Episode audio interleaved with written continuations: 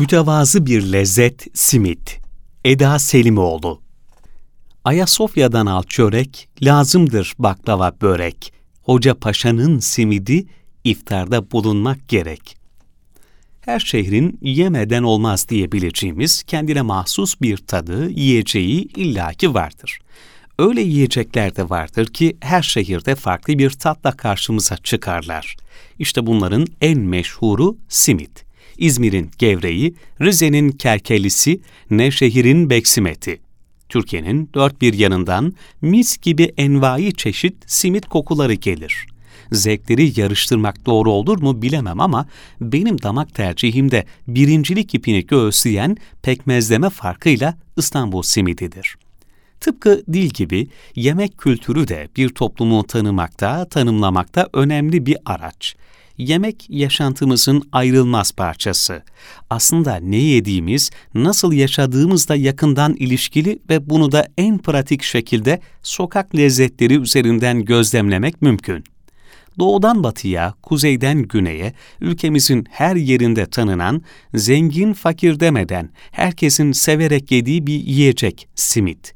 Lezzetiyle, ulaşılabilir olmasıyla günlük yaşantımızın tam ortasında.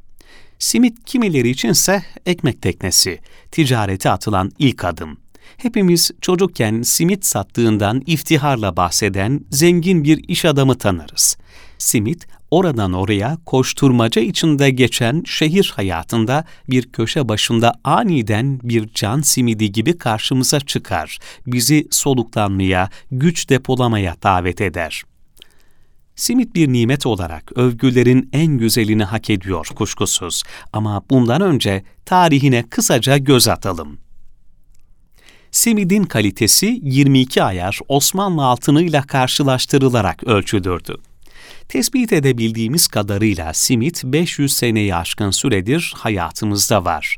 Tarihi kaynaklara göre simit kelimesi önceleri semit olarak kullanılmış. Semit ya da samit ince bulgur, irmik anlamına gelen Arapça kökenli bir kelime.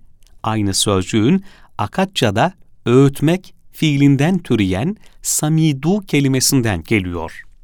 Osmanlı döneminde simit, simidi halka, susamlı kebap veya gevrek olarak da adlandırılmış.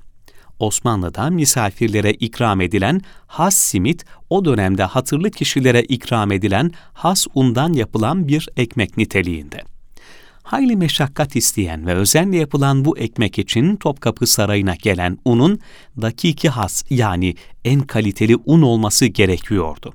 Bu unların temininden ekmekçibaşı, dağıtımındansa simitçibaşı sorumluydu. Saraya gönderilmeden Bursa ve çevresinden edinilen has buğday değirmenlerde öğütülüp İstanbul'a gönderiliyordu. İşlemler sonunda pişen has simidin rengi 22 ayar Osmanlı altınıyla karşılaştırılıyor, kalitesi bu şekilde anlaşılıyordu. Günümüzde de geleneksel simit ustaları aynı ölçütü kullanıyor. Simit padişahların merasim günlerinde yollarda saf tutan askerlere iftar yemeğinin yanında hediye olarak da veriliyordu.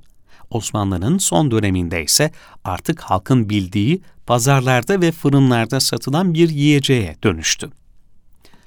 İstanbul simidinin sırrı soğuk pekmezlemedir. Simit üretimi birçok değişik teknikle yapılıyor. Türkiye'nin çeşitli illerinde sıcak pekmezleme yöntemi tercih ediliyor.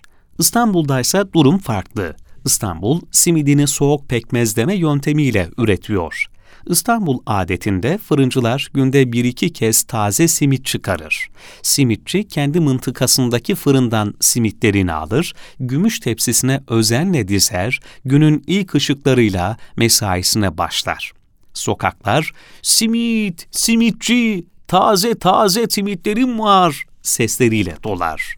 O an birileri belki de vapuru kaçırmak pahasına mutlaka durup simitçiden sıcak bir simit alarak bu sese icabet eder. Şimdilerde sanayi tipi simit fırınları ve kafe pastane gibi işleyen simit sarayları revaçta. Artık günün her saatinde simit bulunabiliyor.